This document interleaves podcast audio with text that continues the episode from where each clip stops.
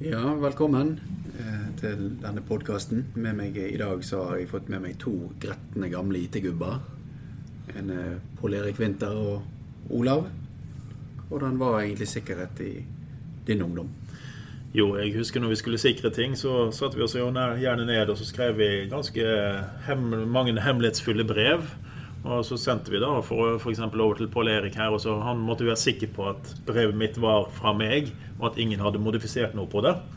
Eh, så da fant jeg selvfølgelig fram voksstempelet som jeg alltid hadde med meg, og smeltet litt voks. og brukte stempelet mitt og fikk verifisert at dette er meg som avsender, og ingen har åpnet brevet før Pål får tak i det.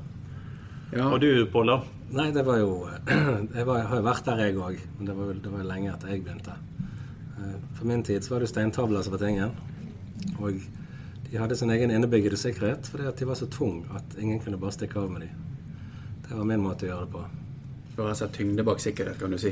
Ja, i hvert fall når du har en god samling av dem. Biblioteket mitt var jo tungt ja. på veldig mange måter.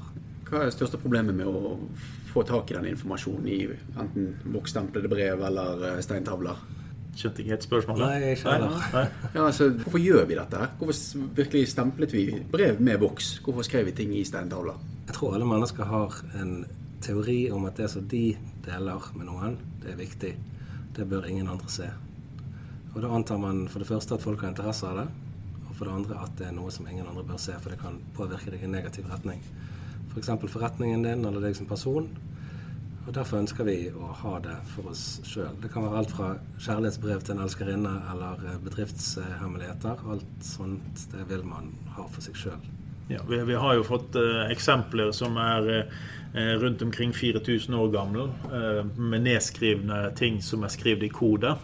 Og det som var skrevet ned da, det var oppskrifter på hvordan du skulle lage noe. Altså bakverk. Eh, sånn at de kodet ned sin hemmelige oppskrift på å lage det beste brødet. Mm. Eh, sånn at ikke noen andre skulle kunne lage akkurat like godt brød. Så vi har jo sett at man har brukt informasjonssikkerhet i tusenvis av år på forskjellige metoder. De gode, gamle måten å kryptere på var jo med Cæsar Scheifer, f.eks., hvor alle tall ble flyttet til 13 tegn i alfabetet. Mm. Eh, og hvis ikke du kjente til Cæsar Cypher, så ville ikke du skjønne bokstavene, for at de var ulogiske. Men flyttet du det 13 ganger i alfabetet, så ville du også få tilbake svaret.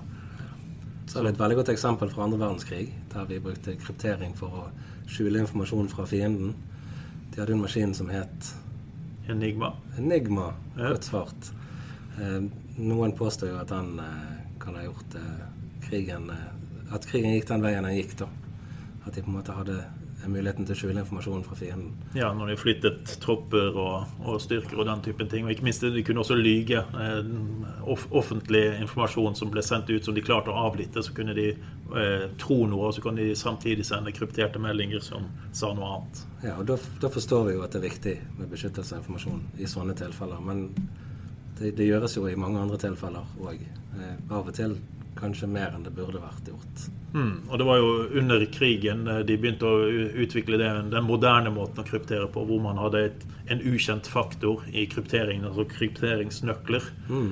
Eh, men det var jo først på 50-tallet vi begynte å se det bli tatt i bruk på den måten vi nå eh, bruker algoritmer for å eh, kryptere og dekryptere informasjon. Mm. Det skjedde noe når vi begynte med data. Mm. Det gjorde jo det. Ja, men eh, vi har nevnt noe om kryptering. Hva er egentlig kryptering? Spør du meg? Ja. ja nei, kryptering det er jo en, en form for eh, et godt norsk ord scrambling av informasjon. Der du bruker en algoritme for å eh, endre all informasjonen som kan åpnes opp igjen med en nøkkel. Mm. Eh, og Det er jo den nøkkelen som skiller oss fra Caesar Cypher og de gamle Cypher-metodene. Mm. Hvor faktisk at du har en ukjent faktor istedenfor at du må ha en kjent faktor. Ja. Og den ukjente faktoren utveksler du med private og, og secret key. Ja, og i dag så, så sikrer vi ikke bare dataen, vi sikrer også faktisk nøkkelen. Mm. Ja. ja. Olav, jeg har på følelsen at du har en innvending mot dette som er sånn hot ord om dagen, om kvantemaskiner. Ja, Problemet med kvantemaskiner er at vi begynner å kunne kalkulere ut disse nøklene på en eh, atskillig raskere metode når man får kvantemaskiner. Eh, så hvis man har en statisk nøkkel og en statisk kryptering, så vil det være mye lettere å dekryptere den. Mm. Men eh, Kvantummaskiner er vel kanskje ikke krekkingen for alle typer krypteringer på det? Nei, mange av de krypteringstypene vi bruker i dag, sånn som RSA, vil jo ha trøbbel.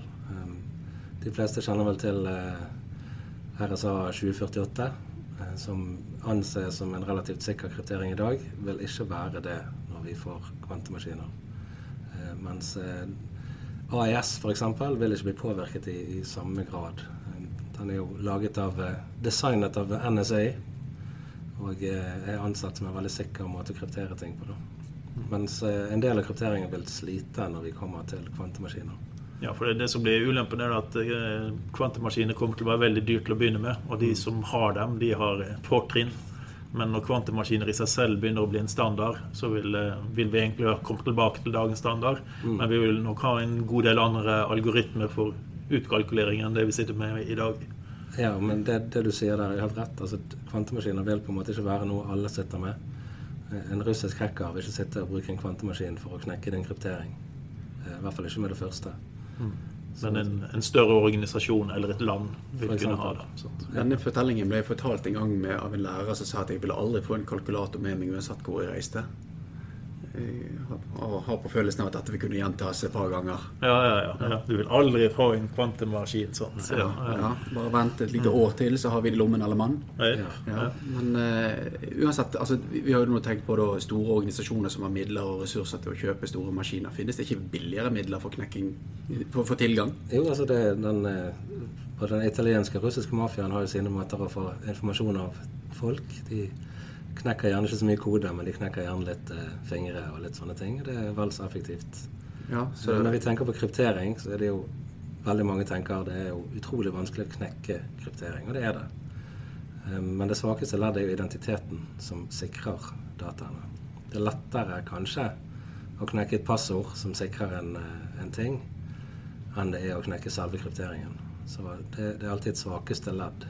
Ja, veldig ofte har det jo vært implementeringen av teknologien som bruker en eh, algoritme som har vært eh, knekket, og ikke selve algoritmen. Det er mer implementeringer. Mm. Og implementeringer kan jo være folkene da som har implementert passordet, som vi heller prøver å knekke. Ja, og det, det viser seg det at eh, jeg tror det var godt over 20% av folkene i verden har delt passordet sitt med noen. Gjerne noen de kjenner og stoler på. Det viser at folk er ikke så flink å beskytte sine eh, credentials, heter det på norsk, identiteten sin, som de kanskje burde være. Og Det er der føler jeg at svakheten ligger i større grad. Um, vi har selvfølgelig fått litt hjelp nå da, med multifaktorautentisering og sånne ting. Som gjør at det hjelper ikke bare å ha passordet, du må ha på en måte en, noe mer. Mm. Mm. Ja, Vi har jo snakket litt om eh, hvordan krigen tok sin gang at kryptering faktisk kunne enten snu en krig eller snu den tilbake til en annens favør.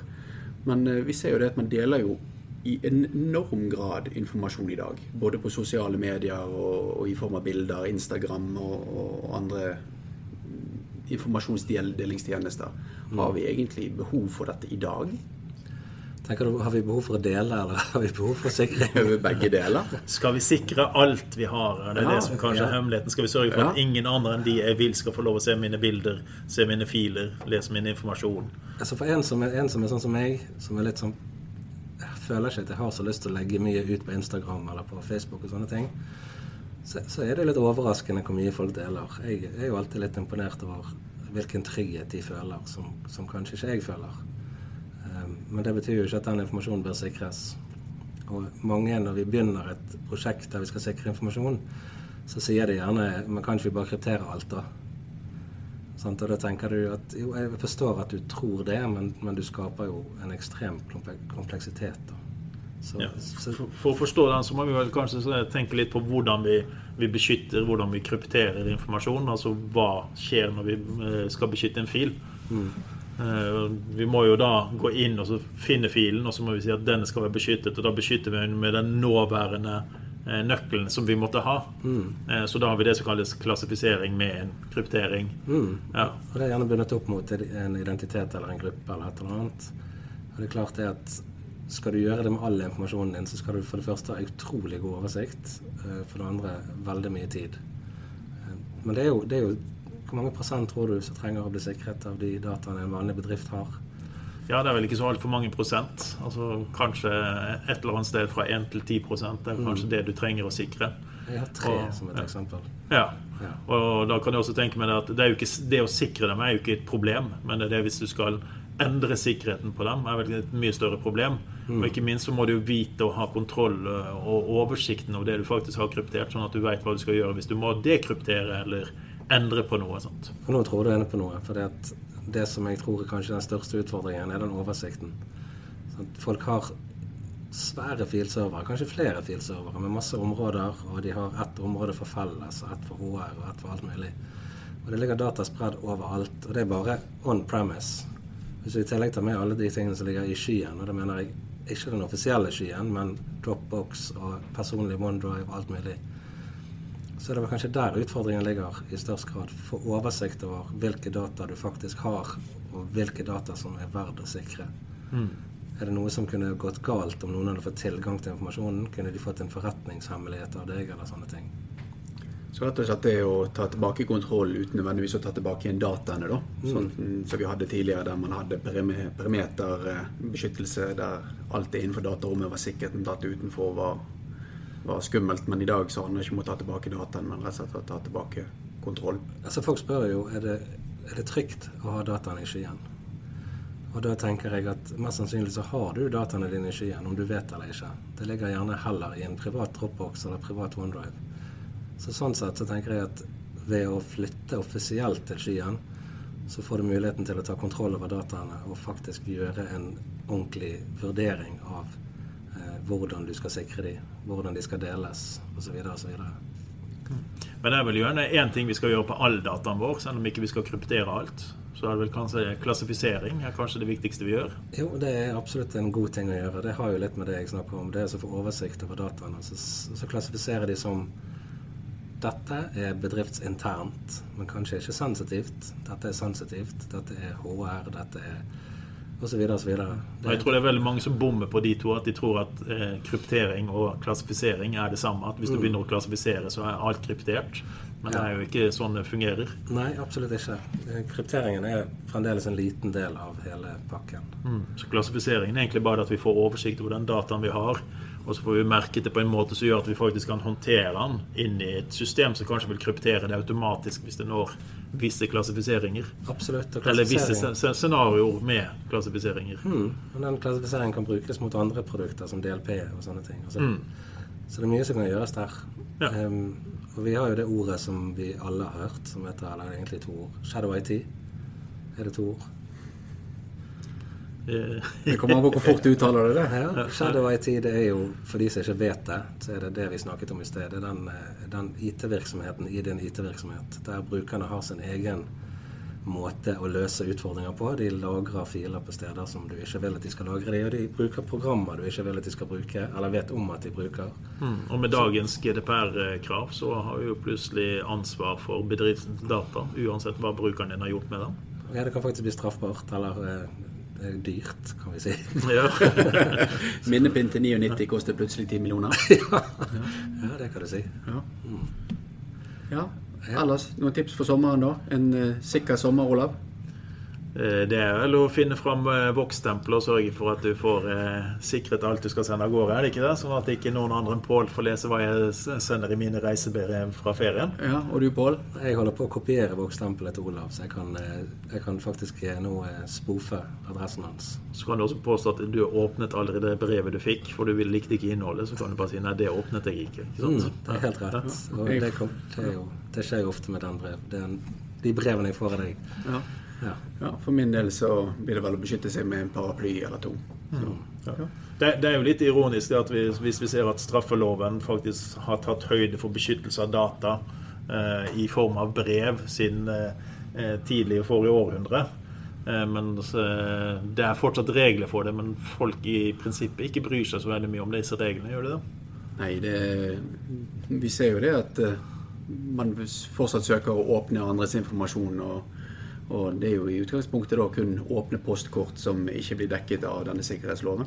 Mm. Og det gjelder jo om det er digitalt eller om det er trygt nå. Altså det, før var det egne regler for det skrevne brev, som var eh, lukket ned. Eh, men nå gjelder jo dette på samme måten for brev eller andre eh, digital kommunikasjon. Så man kan faktisk bli straffet ifølge paragraf 205 i straffeloven. Stemmer. Men la deg aldri bli overrasket over menneskelig nysgjerrighet. Det er dagens motto, tror jeg. Ja. Og det er nettopp derfor noe av det vi har, må beskyttes. Mm. På grunn av at vi har noe som den menneskelige nysgjerrigheten ikke skal få lov å snoke i. Ja. Ja.